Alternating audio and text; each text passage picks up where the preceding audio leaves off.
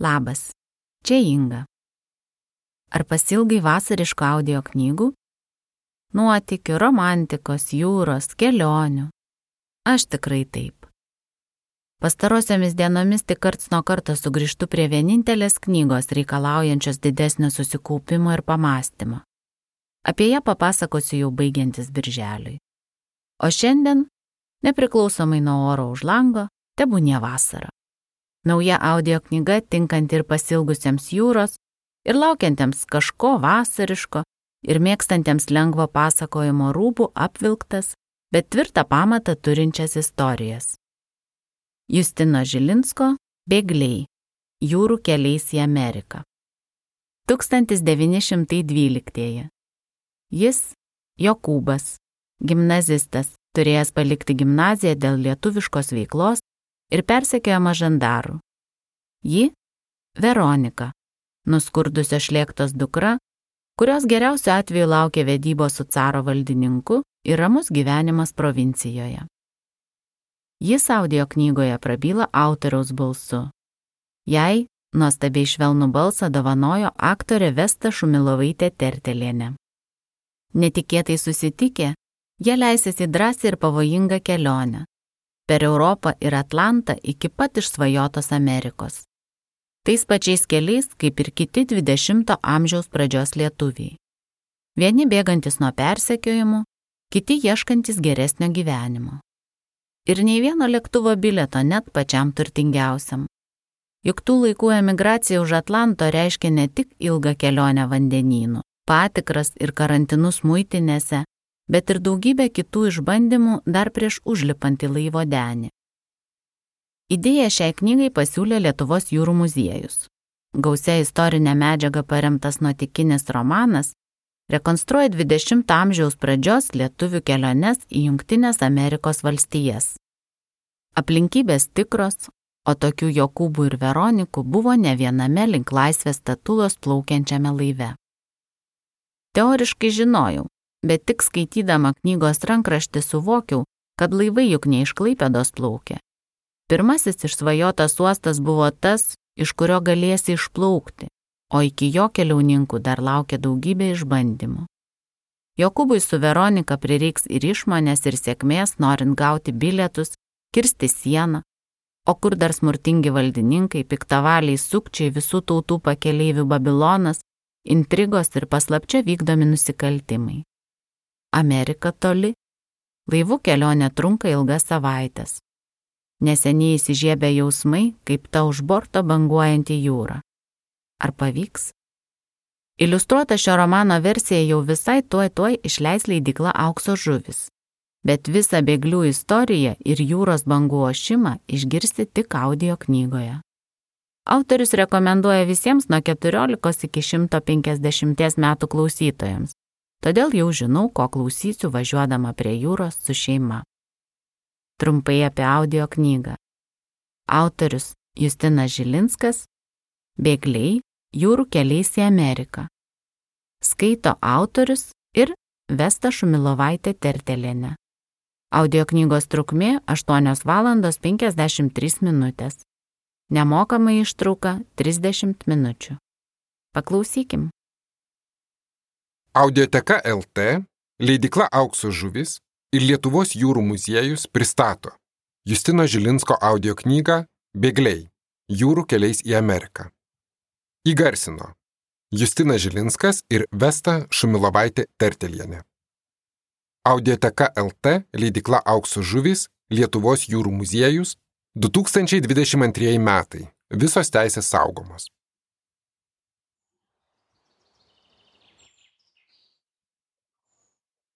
Įžanga. 1927 metai prie Čikagos, Ilinojus valstija, Junktinės Amerikos valstijos. Pievos pakraštyje sumelinavo policininko uniformą. Jokūbas žengė į šoną, giliau įsimaišydamas į minę, nors minė buvo ir kiek skistoka. Nusistebėjo savimi. Tiek laiko prabėgę, karas kariautas, bet vos pamačius uniformą vis tiek jame tūna tas jaunas vaikinukas, skuodžiantis per rūkšėno daržus kiek kojas neša, užkliūvantis už kopūsto ir vos neišsiplojantis lysvėje, girdintis žandarų žirgų kanopų taukšėjimą, nagaikos pliaukšėjimą, vaikų ir moterų šauksmus. Čiagi moterys neklikė, o malonus indienų vasaros vėjas plaikstė trispalvės vėliavas ir šiureno didžiulį transparantą. Paremk Vilniui vaduoti sąjungą. Kalbėtojas dėstė pakiliai ir džiaugsmingai. Kviečiame visus paremti didvyrišką gimtosios žemės sostinės atvadavimo darbą, perkančios bondus. Tamstos gali pasirinkti iš. Vyras atsiduso. Finansinė padėtis pastaruoju metu jam kėlė rūpeščių. Dar nebuvo labai blogai, bet... Na, jis ne iš tokių keblumų yra išlipęs, o gal ir čia kokią naudingą pažintį pavyks užmėgsti. Visgi, tautiečiai. Minėje sušmežavo šviesaplaukis veidas. Jokūbas net išsižiojo iš nuostabos. Steven? Dėl dievo meilės, Jacobas, Jokūbas. Ste. Stepanas, nusišypsojo jis. Lietuvių vakarėlį esame, tai ir kalbėkime lietuviškai. Ofko, žinoma, Jokūbas nusikvatojo, kad mane devynios. Nesitikėjau tamsus čia sutikti, galvojau, kad kojas pagreičiau? Nusiekė Stepanas, ne, randus nešioju, bet gyvas ir sveikas. Nelikai armijoje. Stepanas ir vėl nusikvatojo. Aš tamsta į kitą armiją įstojau. Kariuomenę. Jis taiga išsitempė, kaukštelio kulnais ir prisistatė. Lietuvos karo aviacijos kapitonas Stepanas Darius. Jokūbas visiškai apstulbo. Net nespėjo nieko ištarti, bet Stepanas pratęsė tyliau. Nors ir ha, atostogose. Tiesini caro suskiai, mm, dar pamatys. Tamsta man turėsi viską papasakoti. Jokūbas atsigavo, kitaip nieko nebus. O mintise nuskambėjo priekaištaujantis Kazimiero balsas. O juk ir tu žadėjai sugrįžti, kai Lietuva bus laisva. Ar taip jis rašė laiške? Gal tikrai metas grįžti? Papasakosiu, mes be Vilniaus nenurimsim! Riktelio Stepanas išgirdęs, kad kalbėtojas pasakė šiuos žodžius. Mes be Vilniaus nenurimsim, atsiliepė minė, nors ir nelabai darniai. Nepyk, Oldsport, vėl kreipėsi į Stepanas, neturiu laiko ilgam pokalbiui. Aš čia tikėjau limonadų paimti. O gal nori jungtis prie mūsų kompanijos? jeigu tamstams nesutrukdyčiau. Nusipirkę gėrimų iš prekybininko, Stepanas paėmė keturis buteliukus, jis vieną. Netoliese pasistačiusio savo vežimėlį ir garsiai reklamuojančią pasiūlą, abu vyrai grįžo į minę. Kalbėtoja vyrą dabar pakeitė dama, vaizdžiai pasakojusi apie tėvynės kančias, o tada ėmusi skaityti savo kūrybos eilėraštį. Vilniau amžinasai, mieste gedemino, tavo vartų spyną Lenkas užrakino, Lenkas užrakino ir stipriai užšovė, bet tava didybė stačia tebestovi. O, štai ir mūsų kompanija. Steponas priejo prie kitų trijų žmonių. Joje buvo vyriškis brangios medžiagos kostiumu ir dvi moteris. Saulė švietė įkipai, tad Jokūbui net pridengtam skrybelės teko truputį prisimerkti. Štai, susipažink, Povilas. Malonu tamsta matyti, Jokūbas. Jis ištiesė ranką. Labai malonu atsakė vyras švelniu, tyliu balsu. Blikstelėjusios rankovės sąsagos neleido suabejoti. Šitas vaikinas pinigų turi kaip šieno. O čia mūsų puošmenos. Aldona? Mergina ištiesė Jokūbai pirštinėtą ranką, jis mandagiai pakėlė prie lūpų vėl tardamas. Labai malonu. Ir Veronika. Moteris, pavadinta Veronika, žvilgtelėjo Jokūbą iš paskrybelaitės. Vyras sustingo vis dar nepaleisdamas Aldonos rankos. Širdis taiga akimirkai staptelėjo, akis tarsi fotoaparato užraktas, sumirksėjo. Moteris užnapždėjo. Viešpatė šventas. Jokūbas šiaip netaip atsitėsi ir nebežinojo, ką daryti. Griepti į glėbį, pradėti rėkti, ar ištirpti tarsi ledo kubeliai prie jos kojų. Jūs pažįstami, mikliai susigaudė stepas. Mieloji? nusistebėjo ir Povilas. Mes. Atplaukiam kartu. Kur? Į Ameriką. Veronika. Jis nebesusivaldęs stvėrė ją už rankų, iškritęs limonado buteliukas dunkstelėjo į žolę. Jokūbai. Jis užnapždėjo tyliai ir kiek nejaukiai, tarsi norėdama ištraukti rankas, bet nepakankamai įdėdama pastangų. Povilo veidų nuslydo įtampo šešėlis. Bet jis atsiduso ir mostelėjo ranką. Viską suprantu, senos pažintys, emotions, e, geros dienos tamstoms. Mandagiai kilstelėjo skrybelę ir žengė į šoną. Povilai. Dar šūktelėjo Veronika, bet jis nekreipė dėmesio. Hm, prapilta partija. Šaltai vertina Stepanas, bet sutikime kitos lygos žaidėjas. Tai gal tik į naudą. Bet nei Veronika, nei Jokūbas negirdėjo Stepono pastebėjimų. Jie vis dar žiūrėjo vienas į kitą, kol vienam iš lūpų ištrūko kur, o kitam Kaip? Steponas vėl šyptelėjo ir pamojo Aldonai pasiūlydamas parankę. Kiek suprantu, jie turės daug kalbos. Eime ir mes. Tu gali mane jų paleisti. Veronika atsargiai nusišypsojo. Jokūbas giliai atsiduso ir vis dar rijo ją akimis. Penkiolika metų. Penkiolika metų nerimo, spėliojimo, užmaršties. Dieve, kokia ji graži, kokia ji nepasikeitusi. Paleisti, taip, ji prašė paleisti rankas. Jis pagaliau atleido pirštus, ji lietai atitraukė rankas ir nebežinojo, kur jas padėti. Tad vos nepamaldžiai suvėrė ant pilvo. Aš over... Uh, pir, pritrenktas, prisipažino jis. Aš nebesitikėjau tavęs pamatyti, aš, aš nežinojau, kur tavęs beieškoti. Jos veidų nubėgo šešėlis.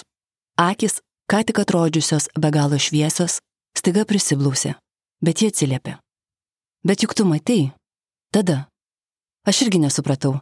Bet dabar, dabar viskas gerai. Ji vėl nusišypsojo. Kaip tu? Jis įsmeigė žvilgsnį jos rankas, žiedai, net ir tas mažytis, su kuriuo keliavo ir kurį jis užmovė ant bevardžio piršto balinštatę. Man, man irgi viskas gerai, atsiliepė. Tu vedęs? Ji irgi apžiūrėjo jo rankas, visada buvo pastabi. Taip, nebuvo prasmės meluoti. Bet Reikėjo ir man tapti kokią mormono svajonę. Netapau. Nors ir ne dėl tavęs. tai vėlgi buvo ji, tokia pat tikra ji. Mano žmona. Nepasakok, nesvarbu. Čia Amerika, čia viskas galima. Baig. Jis tyliai paprašė. Aš tavęs dar ilgai ieškojau, kai iš ligoninės išleido. Po savaitės gal, man jie. Bet jis pagalvojo, kad neverta dabar pasakoti ir savęs gailėtis. Aš net ir žurnalistė, pameni tą rusvą plaukę, Erika, ar ne? Buvau susiradęs, paskui jai rašiau į New Yorką. Ji irgi ieškojo, ar bent sakė, kad ieškojo. O tu? Tu buvai Čikagoje. Ne. Daug kur buvau, bet į Čikagą atkeliavau tik šį birželį. Ji nusuko žvilgsnį ir tarė. Eime? Kur? Na, ne hotelin iš karto. Tokio kartėlio Jokūbas jos balse nepaminė. Šonan bent nuo tų spyčių, man jau ausis išužė. Vilnius, ne Vilnius. Pamiršai mano maman, pan Jakob. Pavardę mano pamiršai. Jis nusišypsojo. Pamirši taip lengvai, pani Veronika. Malonėkite, pasiūlė parankė. Ji lengvai įsikibo. Nuo naujo prisilietimo vėl pašiurpo odą. Ji, tarsi pajutusi, nusišypsojo. Tik šįsik nekandžiai, o jaukiai. Ten, parodė jis į tolėliau baltuojančias restoranėlio palapines, galime prisėsti. Eime, patvirtino ji. Pirma dalis. Svajonės link. 1912. Netoli Marijampolės, Suvalkų gubernija, Rusijos imperija. Kazokai. Kazokai, kazokai atjoja, bėgančius nuo vaisko gaudo. Iš visų plaučių šaukė piemenukas, katauskų petriukas, bėgdamas pro kaimo trobas. Kerčius Antanas pasiuntė jį skubiai nešti žinę, vos pastebėjęs tolimesnėme kelio vingyje mėlynas uniformas. Viešpatė apsaugok. Motina persižegnojo ir pažvelgė į Jokūbą. Šis skubiai metė ant stalo medinį šaukštą, puspilnį kastinio ir nėrė link durų.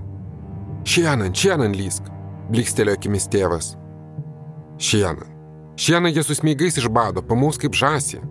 Dar mintise paprieštaravo, greitai čiupdamas nuo gembės kailinę liemenę, kurion buvo susidėjęs truputį atsargų, ir čia pat kabančius batus, paprastai skirtus šventadieniams, bet dabar būsiančius reikalingus, jeigu kelias pailgės.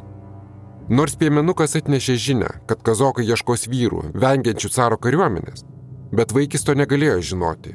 Jokūbas gytarė, kad su kazokais atsivilkęs urednikas prisimins veidus to lietuvių ratelio susitikimo, kurį pats ir išvaikė, o vargšą kazį dar ir šaltojinį kišo. Mat nors spaudos lietuviškai jau ir nebedraudė, bet priekabių visada surasdavo.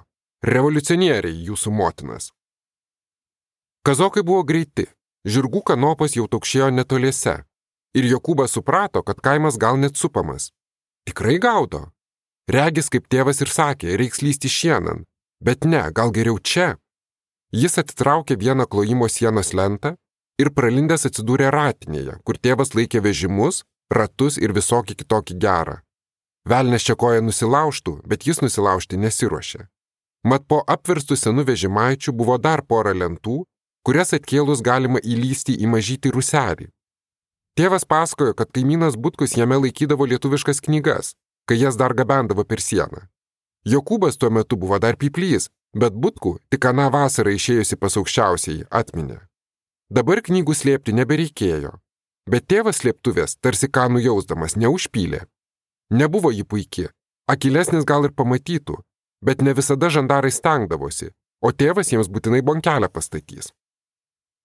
Įsitaisęs slėptuvėje kiek galima patogiau, Jokūbas įsiklausė. Jis jau girdėjo kieme skambančius balsus, tėvą, sunkokai renkantį rusiškus žodžius, brolių ir sesių lalėjimą, motinos Simonas. Ir prasidėjo.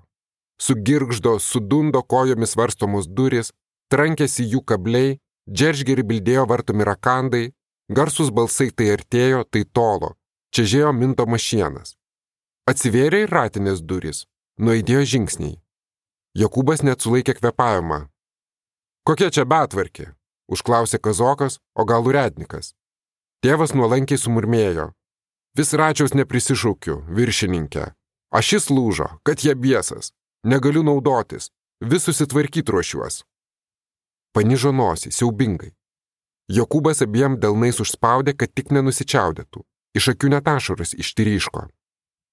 Kazokas, kiek girdėjo, paspardė ratus, vežimą.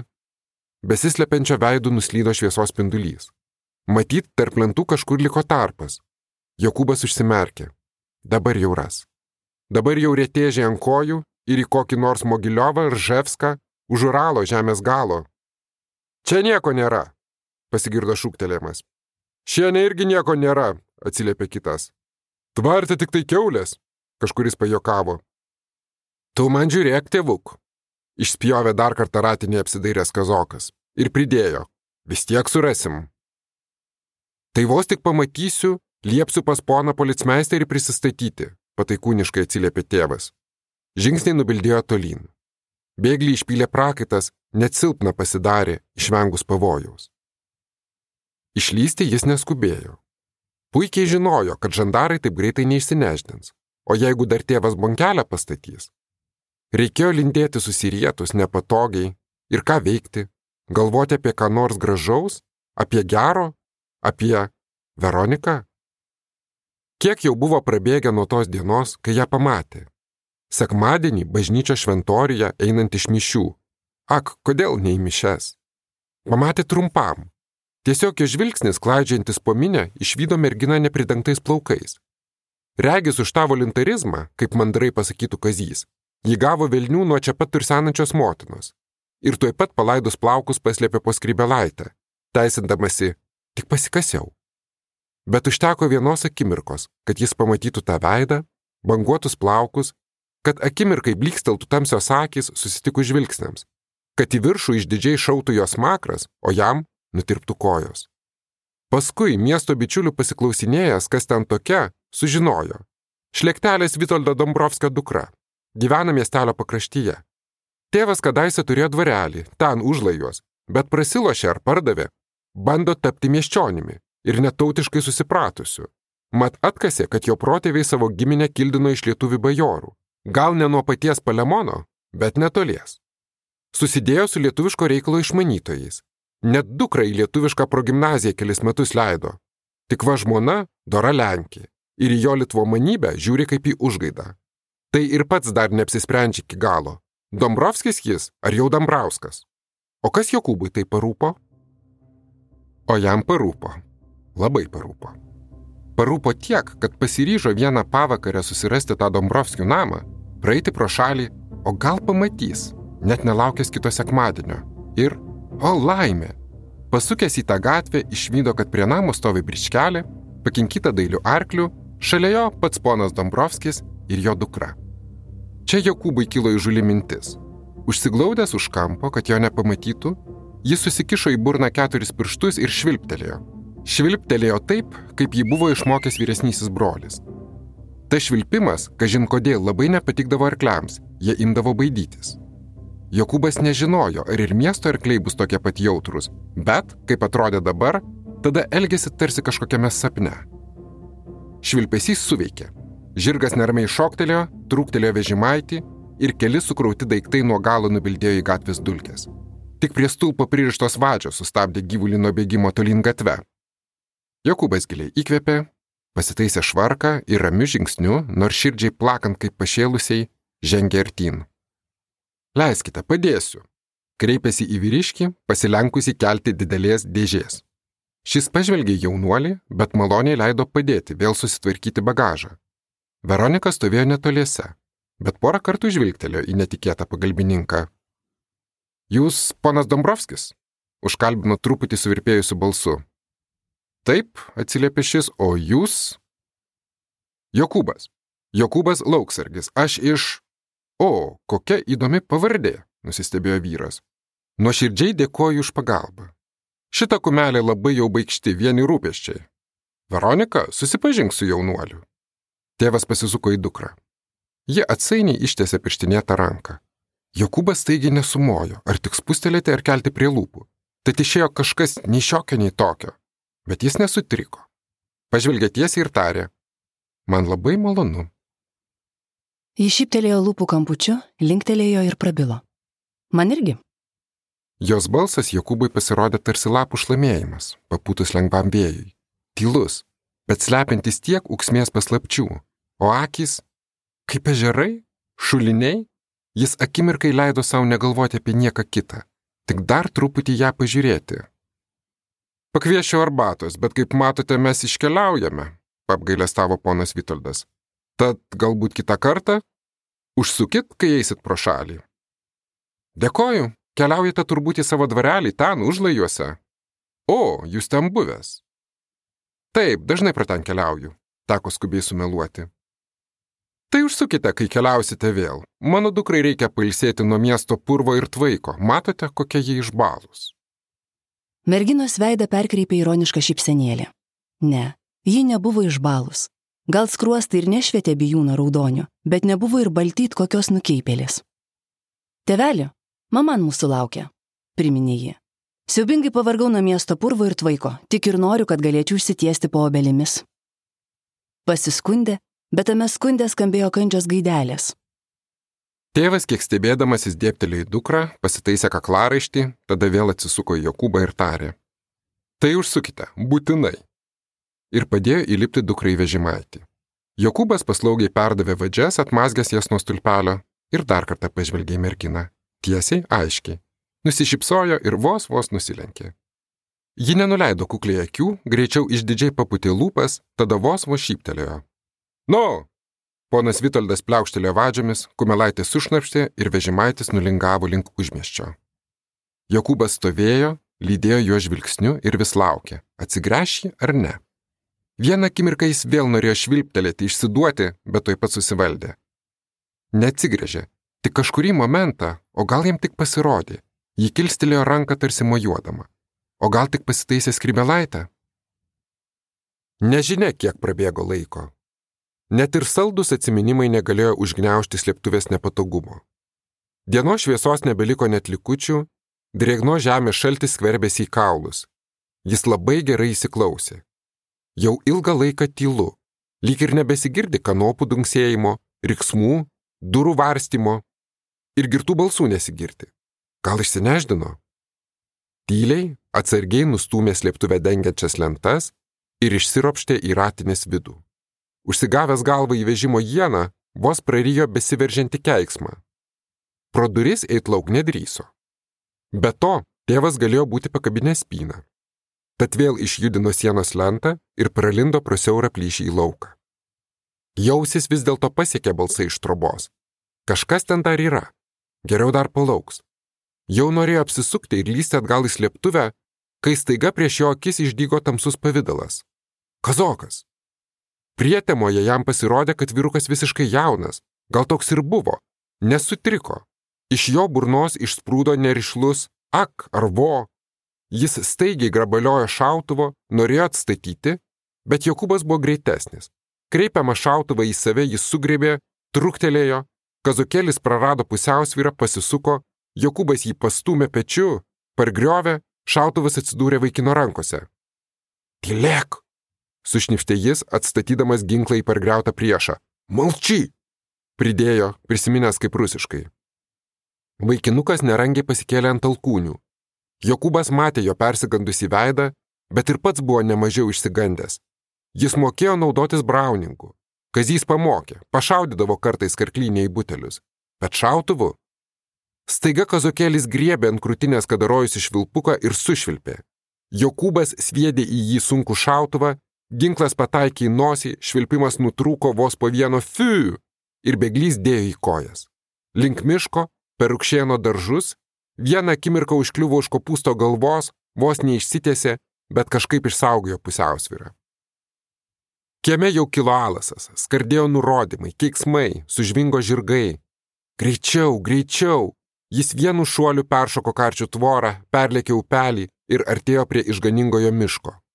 Suvambrijo šunys, lyg ir ne jų. O jeigu kazokai atsivedė šunų, naujos bėdos, rimtai vysis. Įpuolęs į pomiškį, laužėsi per krūmynus, kol kas per daug negalvodamas, kur bėga, svarbiausia, kuo toliau. Jau pasigirdo lekiančių žirgų kanopų dunksėjimas, bet ne, šunų lojimas lyg ir nertėja. Vadinasi, dabar svarbiausia vėl tyliai išbūti ir kur nors įlysti. Jis sustojo, giliai giliai alsuodamas įsiklausė. Artėja. Į medį. Netoliese augęs ažalas visai tiko. Jokūbas užsikabino už apatinės šakos, kojomis įsirėmė į kamieną, prisitraukė, dar šiek tiek palipėjo aukštyn, dar truputį. Traškančios šakos ir krūmai išdavė mišku besibraunančius gaudytojus. Švyščiojo žibintų spinduliai, aidėjo žodžiai, susišūkavimai. Kvailiai, pagalvojo jis, žvelgdamas į kazokus. Argi įmanoma taip surasti žmogų? Išgirdo rusiškai. Udral. Nėra prasmės čia klaidžioti, reikia tėvą papurtyti. O kur mūsų šunininkas? atsiliepė kitas. Girtas kaip pėdas, todėl ir be šunų šiandien. O, kaip man pasisekė, atsiduso Jokūbas. Tik tėvui bus nekas. Kazokai dar kurį laiką sukiojosi, pora netgi nulipo nuo arklių ir bandė darytis pėdsakų, bet tamsoje jiems sekėsi prastai. Galiausiai apsuko žirgus ir nujojo atgal į kaimą. Šįsik Jokūbas neskubėjo. Sujudėjo tik tada, kai daugiau nesigirdėjo nei vieno žmogiško garso. Bet dar dėl visako nuo šakos ant šakos stengiasi leistis tylutėliai. Galiausiai striktelėjo ant žemės, Garsas, regis, buvo toks, kad visas pasaulis sudrebėjo. Ir krūmai iš karto sušnarėjo už nugaros. Persigandęs Jokūbas šoktelėjo, atsisuko, tikėdamasis riksmo - stok, šausiu. Ne, riksmo nebuvo. Matyt, išbaidė kažką, įsitaisiusi krūmę. Bet ką dabar daryti jam? Kur dėtis, kur slėptis, kur traukti? Paskazį? Paskazį gali jo ieškoti, ypač jeigu rednikas suriš galus. Martyną. Tas baisiausiai išsigas ir nepriims. Joną? Jonų jis nepasitikėjo. Pas dėdę? Giminė. Ten irgi gali atsilankyti mėlinskūriai. Kur dar galėtų nukeliauti, bent laikinai prisiglausti, kol sugalvos, ką daryti? Staiga blikstelė mintis. Užlajai. Ir net šyptelėjo iš savęs dėl minties įžulumo ir saldumo. Veronika. Be to, ponas Dombrovskis jį kvietė.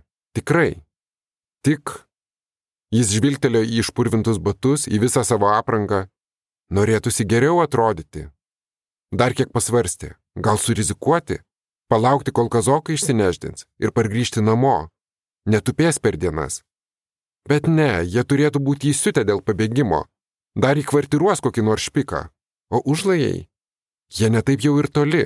Iki aušros gerą gabalą nukeliautų. Ir ten jo tikrai neieškotų. Ir gal Veronika sutiktų?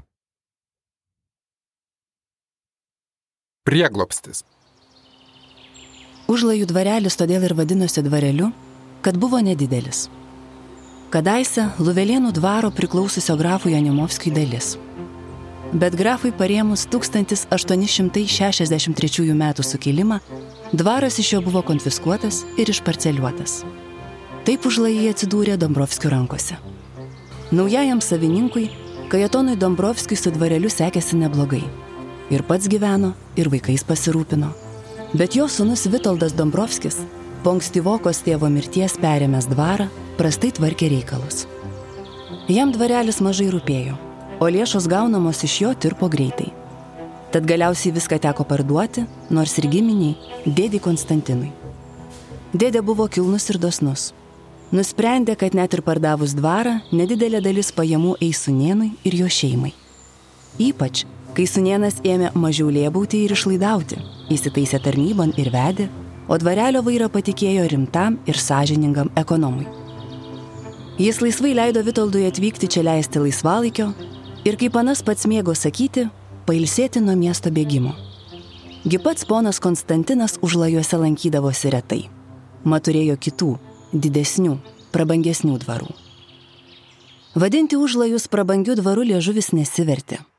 Nors ir nemažas, tvirtas medinis dvaro statinys tuksojo gerokai nudėvėtas ir senokai matęs dailydžių rankų. Raižinėja plūžinėja, vienas kampas gerokai pasėdęs, tad stogas kiek persikreipęs. Rastai apsamanoja, įėjimo portiką laikančios kolonos pasvirusios.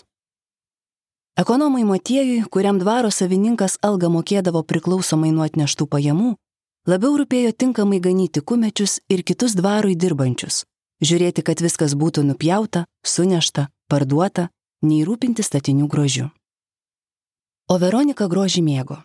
Skirtingai nuo žasų klegėjimo, nuolatinio mėšlų ir pelėsių kvapo, kuris pasitikdavo atvykus. Bet kai kas jai patiko ir dvare kad ir ankstyvesnį rytą, vos išgėrus pusryčių kavą, išeiti iš namo ir lietai nužingsniuoti prie netoliese slūkstančio žerėlio. Žvelgti, kaip kasdieną pražįsta nauji, vis kiti žiedai, kaip augo kragų jaunikliai, kaip debesų pilis atsispindi vandenyje. O kitomis dienomis ji mėgdavo susirasti senus dvaro savininkų užrašus, juos vartyti, keliauti neiškiomis savadų eilutėmis, tyrinėti pastabas paraštėse ir įsivaizduoti, kokios istorijos galėjo lydėti tą kasdienišką gyvenimą. Ar galėjo juose būti kokiu nors paslapčių? Ji mėgo paslaptis. Mėgo žinoti viską apie visus. Net mėgo paskalas. Ypač jas patikrinti. Mėgo matyti šiek tiek daugiau nei pastebi dažnas. Ji jau seniai pastebėjo, kad žmogus daugiau pasako ne žodžiais, o tai kaip juda, kaip laiko rankas, kaip elgesi kalbėdamas, kaip dėvi rūbą, kaip juo rūpinasi, kaip žiūri, kaip kalba ir kaip, kai tyli. Jai patiko būti gudriai, net jeigu apie tą gudrumą te žinojo ji pati, o kiti vis tiek te matė vien dailę panaitę. Jeigu oras būdavo geras, ji ir čia atsineždavo kokią nors knygą, laikraštį ar tiesiog sėdėdavo ir galvodavo. Todėl ir šį rytą jis sėdėjo ir svarstė naujausią kumečių gandą pikantišką gandą. Matyt, dvarelį kartais užsukdavo kunigas Jankauskas. Pernai jis lankėsi ypač dažnai. Ir štai kuometė Teofilija susilaukė vaikelio. Ta pati Teofilija, kuri patarnaudavo kunigui, jam čia viešint. Žinoma, Teofilija turėjo vyrą, taip pat kumetė arklininką Stanislavą. Tačiau per dešimt bendrų gyvenimo metų jiems Dievas vaikų pagailėjo. O po pernai stebuklas. Bet Veronika stebuklais netikėjo. Jai užteko pamatyti, kad Stanislavas jau pusmetį, o gal ir daugiau vaikščiojo prislėgtas, įpykęs, į apvalėjančio žmonos pusę nežiūri, o jeigu po koja pasitaiko kokšuo ar gyvulys, kliūna šiems spyris ar lasdos skirtis. Nors iki tol Stanislavas dažniausiai būdavo ramus ir geros nuotaikos. Net ir su žirgais jis ėmė elgtis daug grubiau ir nekantriau. Tad Veronika, skirtingai nuo kumečių, neturėjo net abejonių, vaikis užauks panašesnis ne į žemą, tvirtą plačią sprandį kumetį, o į liauną, dailų, tyliai besišypsantį kunigėlį. Pats kunigėlis pasirodė tik vieną kartą, šiek tiek po šventų Velykų ir ilgai neužtruko. Tarnystė šaukė. O motiejus, ukvedys, jo bričkelį išlydėjo susiraukęs, rankas ant krūtinės sudėjęs, daug avelės nuolankumo nerodydamas. Taip jis sėdėjo, svarstė kai staiga sušlamėjo netoliese augantis Putino krūmas ir kažkas jie tyliai pašaukė. Panelė Veronika. Iš pradžių ji pagalvojo, kad pasigirdo. Kai ilgai gyveni savo galvoje, visokiausių balsų išgirsti, bet tada kvietimas pasikartojo. Veronika. Ji pakilo nuo solelio ir truputį sunerimus pažvelgiai krūmyną. Tai buvo ištrauka iš Justino Žilinsko audio knygos Bėgliai - jūrų keliais į Ameriką. Primenu, kad su nuolaidos kodų naujiena pristatymo savaitę audio knygą gali įsigyti 30 procentų pigiau. Nuorodą į šią audio knygą rasi audio laiško aprašyme, o taip pat audioteka programėlėje ar audioteka svetainėje. Iki.